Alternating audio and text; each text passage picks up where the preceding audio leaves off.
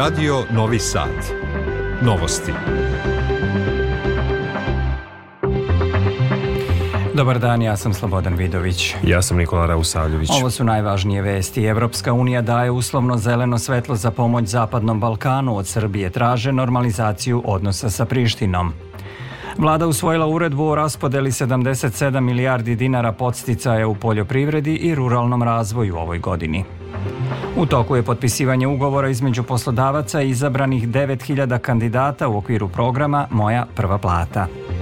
Amerika i Britanija napale položaje Huta u Jemenu, Sjedinjene američke države obustavile vojnu pomoć Ukrajini. Izložba slikara naivaca iz Kovačice otvorena u PTT muzeju u Beogradu. Sport, vaterpolisti Srbije protiv Mađarske igraju za plasman u polufinale Evropskog prvenstva u Zagrebu. Naši rukometaši počinju takmičenje na Evropskom prvenstvu u Nemačkoj utakmicom protiv Islanda. Nakon slabog jutarnjeg mraza sutra će biti malo toplije sa sunčanim intervalima temperatura do 3 stepena, sada je u Novom Sadu minus 1. U osnovnom sudu u Prištini odloženo je suđenje Milunu Milenkoviću, Dejanu Pantiću, Aleksandru Vlajiću i Miomiru Vakiću, četvorici Srba sa severa Kosova koji su osumnjičeni za napad na kancelariju opštinske izborne komisije u Severnoj Mitrovici 2023. godine i navodni terorizam. Pojedinosti Bojan Trajković. Suđenje je odloženo na zahtev advokata odbrane koji su ukazali da od tužilaštva nisu dobili kompletnu dokumentaciju prevedenu na srpski jezik. Sudija u ovom procesu zatražio je od tužilaštva da u roku od pet dana odbrani dostavi spise predmeta sa prevodom. Advokat Ljubomir Pantović kazao je da specijalno tužilaštvo nije obezbedilo uslove da se ročište održi. Ono što smo mogli na brzinu da vidimo, videli ste da nam je optužica uručena neposredno pre početka ove sednice. Moj prvi utisak je da zaista je tužilac tu otprilike prilično paušalno tu tvrdnju i taj dispozitiv da optužnice naveo. Rekao bih da nema nikakvih dokaza u tom pravcu. Ono što sam iz obrazloženja pročitao takođe su zaista stvari koje po meni apsolutno ne predstavljaju ozbiljne dokaze, ne predstavljaju relevantne dokaze na osnovu koji bih neko mogao da bude oglašen krivim i osuđen. Advokat Predrag Miljković zatražio je da njegovom klijentu Milunu Milenkoviću mera pritvora bude zamenjena jemstvom i merom kućnog pritvora. Od četvorice Srba koje tužilaštvo tereti za navodni terorizam, jedino se Milenković nalazi u pritvoru. Naredno ročište zakazano je za 30. januar kada se očekuje čitanje optužnice i izjašnjavanje osumnjičenih Srba o krivici. Zemlje članice Evropske unije spremne su da daju zeleno svetlo za plan ekonomskog rasta za Zapadni Balkan od 6 milijardi evra, ali traže da napredak u vladavini prava i usklađenosti sa spoljnom politikom Unije bude uslov za korišćenje novca iz tog fonda, sazna RTS u diplomatskim izvorima u Briselu. U slučaju Srbije dodatni uslov za korišćenje novca iz plana koji je u novembru predložila Evropska komisija jeste i primjena sporazuma o normalizaciji sa Prištinom. Zemlje članice su već počele internu raspravu o odobravanju plana za Zapadni Balkan, a konačna odluka bi mogla da bude doneta u februaru ako do tada bude postignut dogovor o rebalansu budžeta Evropske unije koji je odložen zbog veta Mađarske na finansijsku pomoć Ukrajini. Belgija kao predsedavajuća Uniji želi da debata o planu za Balkan i razgovori o tome sa Evropskim parlamentom budu završeni pre evropskih izbora u junu, kako bi primjena plana, kako primjena plana ne bi morala da čeka na formiranje nove evropske administracije, navode izvori u Evropskom savetu. Svet. Sjedinjene američke države i Velika Britanija izvele su više napada na Hute koji u Jemenu podržava Iran kao reakciju na više od 20 napada na brodove koji saobraćaju međunarodnim plovnim putevima u Crvenom moru i Adenskom zalivu. Američki predsjednik Joseph Biden potvrdio je da su prema njegovom nalogu pokrenuti napadi protiv, kako je naveo, mnogih ciljeva u Jemenu koje koriste pobunjeni Huti. Kaže da su udare sprovele američke snage zajedno sa Ujedinjenim kraljevstvom i uz podršku Australije, Bahreina, Kanade i Holandije. Zvaničnik Huta Hussein Al-Izi poručuje da će Amerika i Velika Britanija platiti visoku cenu za tu očiglednu agresiju. Navodi da je u napadima poginulo pet njihovih pripadnika, a da je ranjeno još šest, kao i da će nastaviti da blokiraju prolaz brodovima u Crvenom i Arabijskom moru. Izraelske vojne akcije u Gazi su akti samoodbrane od Hamasa i drugih terorističkih organizacija, rekao je pravni savjetnik Izraelskog ministarstva spoljnih poslova Tal Beker na otvaranju drugog prvog dana saslušanja u Međunarodnom sudu pravde po tužbi Južne Afrike protiv Izraela za genocid u Gazi. On je ukazao da je Južna Afrika juče predstavila grubo iskrivljenu priču pošto je optužila Izrael da je počinio genocid u Gazi tokom prvog dana saslušanja slučaja koji je podnela najvišem sudu Ujedinjenih nacija. Ako je bilo dela genocida, onda su ona počinjena protiv Izraela, rekao je Becker. Američka pomoć Ukrajini u njenom ratu protiv Rusije je prestala, saopštila je Bela kuća, dok su u Vašingtonu nastavljeni pregovori o paketu pomoći koji bi mogao da bude u vezi sa revizijom mera bezbednosti granica. Pomoć koju smo pružili sada je zaustavljena, kratko je saopštio port parol Bele kuće za nacionalnu bezbednost John Kirby. Hiljade Slovaka okupilo, okupili su se u skoro 20 gradova u znak protesta protiv pokušaja premijera Roberta Fica da zatvori specijalno tužilaštvo koje istražuje zločine visokog profila, uključujući slučajeve bliske premijeru. Demonstracije na koje su pozvali prozapadni liberali, konzervativne opozicione stranke i građanski aktivisti su četvrti protesti nakon što je Vico predložio brzu reformu tužilaštva i krivičnog zakona u decembru, što je izazvalo zabrinutost i u Europskoj komisiji i Sjedinjenim američkim državama. Protesta je bilo i u Poljskoj gde se ispred parlamenta okupilo desetine hiljada pristalica opozicije nezadovoljnih promenama koje je nova vlada donela u državnim medijima i zatvaranjem dvojice bivših ministara osuđenih za zloupotrebu položaja. Moramo da dobijemo ovu veliku bitku za suverenu nezavisnu Poljsku, rekao je okupljenima Jaroslav Kačinski, lider stranke Pravo i pravda koja je predvodila prethodnu nacionalističku vladu.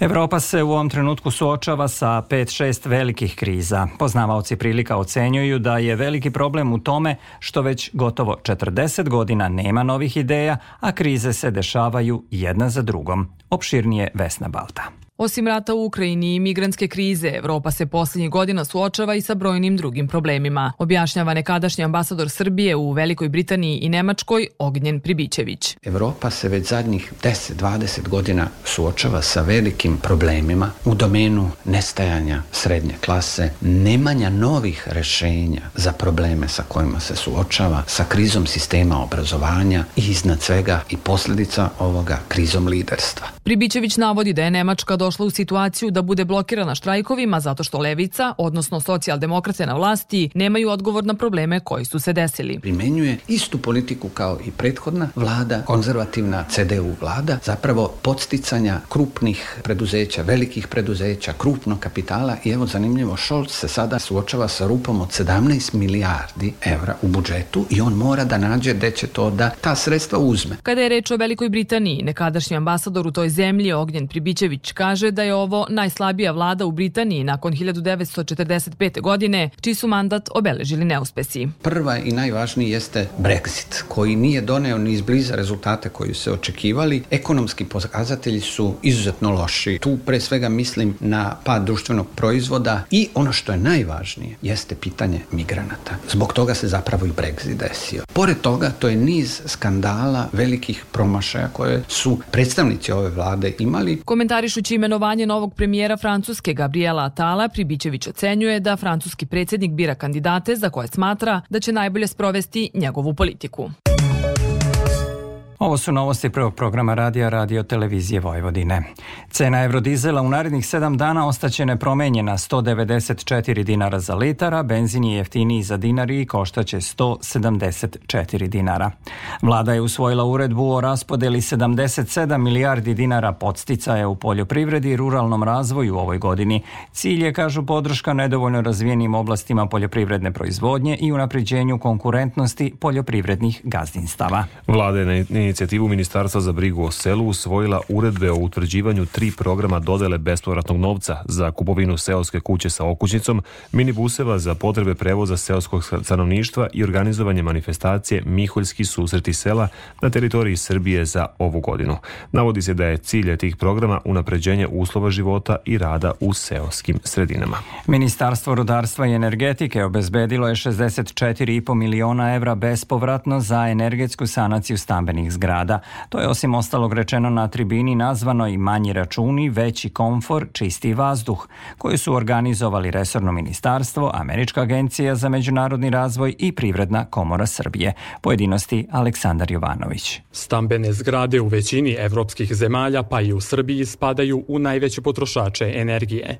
Kako bi se smanjila potrošnja i prešlo na naplatu toplotne energije po utrošku, u 15 jedinica lokalne samouprave pokrenut je javni ESCO projekat, prvenstveno namenjen stambenim zgradama koje se nalaze u sistemu daljinskog grejanja, kaže Dubravka Đedović-Handanović, ministarka rudarstva i energetike. Kroz ovaj projekat je cilj da saniramo više od 500 stambenih zgrada, površine oko milion kvadratnih metara. Prioritet će biti zgrade koje mogu najviše da uštede, a naša je procena da će uštede ići do nekih 35%. Do sada je prijavljeno 950 stambenih jedinica, od čega više od polovine u Beogradu. Naravno, to nam je drago, Beograd je glavni grad, ali još jednom apel i jedinicama lokalne samouprave širom Srbije. Ekspert za energetsku efikasnost IBRD-a Bojan Bogdanović kaže da projekat nudi niz pogodnosti za građane koji će sami moći da utiču na troškove grejanja zimi,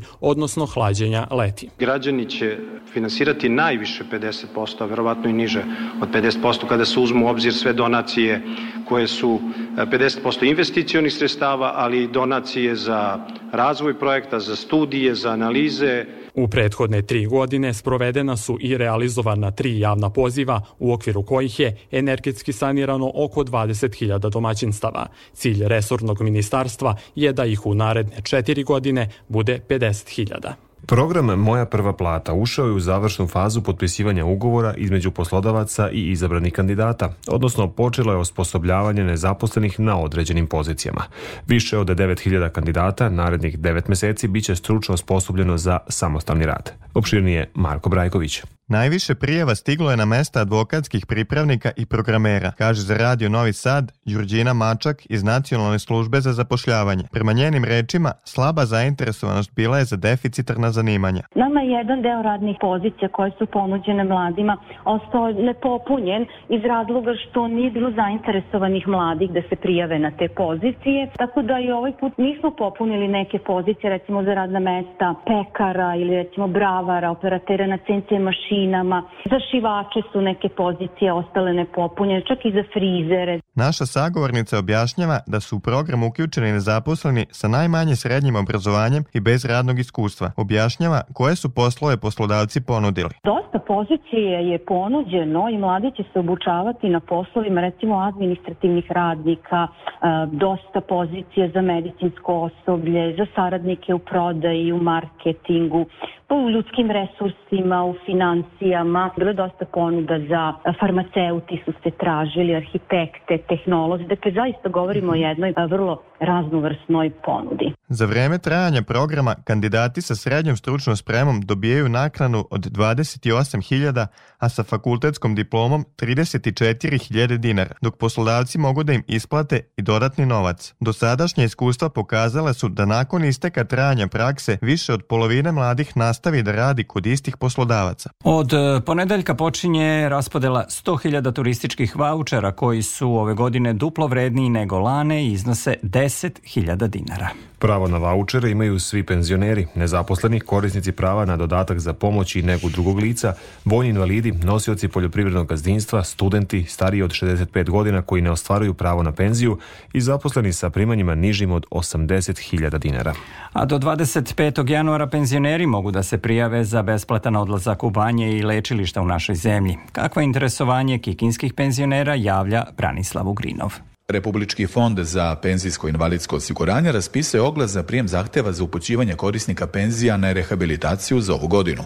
U Kikindi će ove godine konkurisati veliki broj starih građana koji pomoć države vide kao lepu priliku da se besplatno odmore. Za zdravog čovjeka je sve dobro i svaka banja je dobra, a i za bolesnih, sigurno. Sigurno nešto ima u napretku. Lepa priroda, lep vazduh, čist. Treba mi voda, treba mi toplota. Išla sam na more 20, 30, 50, ne znam koliko godina. Pa bila sam samo jednom u Junaković banji, bilo je prelepo, stvarno, a sad već 11. 12. godina nisam dobila nikako da idem. Sad sam predala papire i to je to. Više od 400 penzionera u Kikindi redovno konkuriše kod PIO fonda za besplatan odlazak u banje i lečilište u našoj zemlji i pomoć dobije preko 120 korisnika, podsjeća Milan Periz, predsjednik pomenutog udruženja. Prijavljivanje se obavlja upravo u Kikinskom udruženju.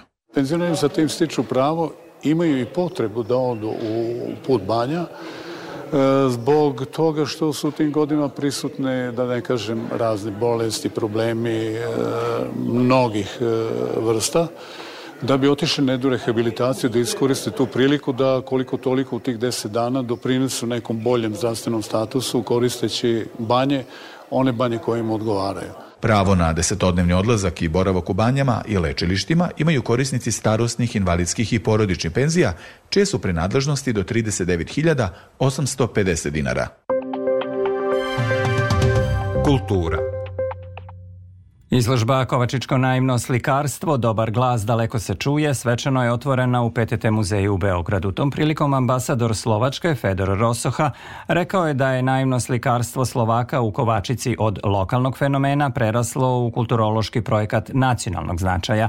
Kaže da se ove godine očekuje odgovor iz Pariza na zahtev da slikarstvo Kovačice bude upisano na UNESCO-vu listu nematerijalne baštine. Izložba Pošta Srbije, ambasade Slovačke i Fondacija Babka predstavlja brojna dela slikara naivaca iz banatskog mesta Kovačice, među kojima su tri neveste na biciklu Zuzane Vereski i dobar glas daleko se čuje Pavela Hajka. Posebno za otvaranje izložbe izrađena je velika slika Moja Kovačica, više autora.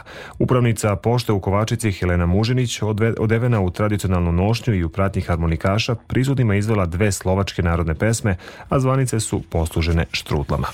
Sve je spremno za sutrašnji doček u Novom Sadu nakon autentične umetničke proslave nove godine u Novom Sadu 31. decembra, koja je privukla skoro 30.000 posetilaca, sledi doček Srpske nove godine. Podrazumeva 50 sati programa, više od 150 izvođača na više od 40 lokacija širom grada, kaže za Radio Novi Sad port parolka dočeka Milana Milovanov. Jeste negde ideja da doček zapravo posetioci sprovede kroz čitav grad i njegovu okolinu. Tu su naravno neki od najvećih kulturnih ustanova kao što su Srpsko narodno pozorište, pozorište mladih, kulturni centar Novog Sada, gradska koncertna dvorana, ali naravno i mreža kulturnih stanica zbog koje zapravo imamo i priliku da izađemo iz okvira Novog Sada i da doček zapravo dođe i do drugih mesta kao što su Rumenka Stepanovićevo Kovilj. Pre sporta još jedna vest, iznos za osvojene zlatne medalje na predstojećim olimpijskim igrama u Parizu trebalo bi da bude povećan na 200.000 evra po medalji. To se navodi u predlogu koji su nakon sastanka vladi uputili predsjednik Aleksandar Vučić i predstavnici Olimpijskog komiteta. On kaže da je bilo reči o nagradnom fondu kao i o dodatnim ulaganjima u sport koja u mnogome doprinose dobrim rezultatima. Vučić je na svom Instagramu napisao da je sa predstavnicima Olimpijskog komiteta Srbije razgovarao o predstojećim olimpijskim igrama Parizu i podršci sportistima u pripremama za to najveće i najprestižnije sportsko takmičenje. Nadam se najvećoj žetvi medalja u istoriji Srbije, što znači najmanje 10 osvodnih odlučja odličja na olimpijskim igrama, naveo je Vučić. U četvrt finalu Europskog prvenstva u Hrvatskoj vaterpolisti Srbije ovim trenucima igraju protiv Mađarske. Igra se druga četvrtina, Srbija vodi sa 4-3. A u prvom kolu Europskog prvenstva u Nemačkoj naši rukometaši od 18 časova igraju protiv Islanda. Košarkaši Partizana od 20 časova i 30 minuta u Beogradskoj Štark areni dočekuju izraelski Makabi u 21. kolu Euro lige. I za kraj novosti još jedna informacija. Vodostaj reka u Vojvodini jesu viši nego što je uobičajeno za ovo doba godine, ali je sada period stagnacije i blagog opadanja, kaže za Radio Novi Sad Božidar Beloš iz Voda Vojvodine. On poručuje da nema razloga za strah od poplava i objašnjava kakva je situacija na rekama. Imamo jedan dugotrajan povišeni nivo, da kažem, srednje visok nivo ovaj tise, međutim, kažemo, samo stoji već jedno mesec dana na takvom nivou, gore dole po 20 cm. Sava je isto imala skok na teritoriji Hrvatske, značajan, međutim, postoje korito prazno, to se nije odrazilo ovamo ispod Jasenovca. Se sadašnje stanje Dunava je može nazvati stagnacijom ovog nivoa, on celom slivu od ozgo od Nemačke je Dunav u opadanju.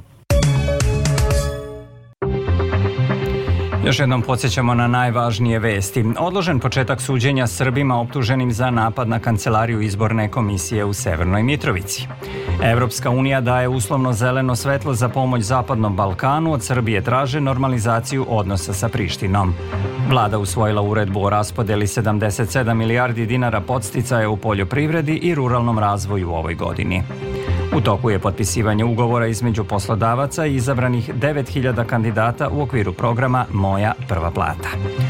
Amerika i Britanija napale položaje Huta u Jemenu, Sjedinjene američke države obustavile vojnu pomoć Ukrajini.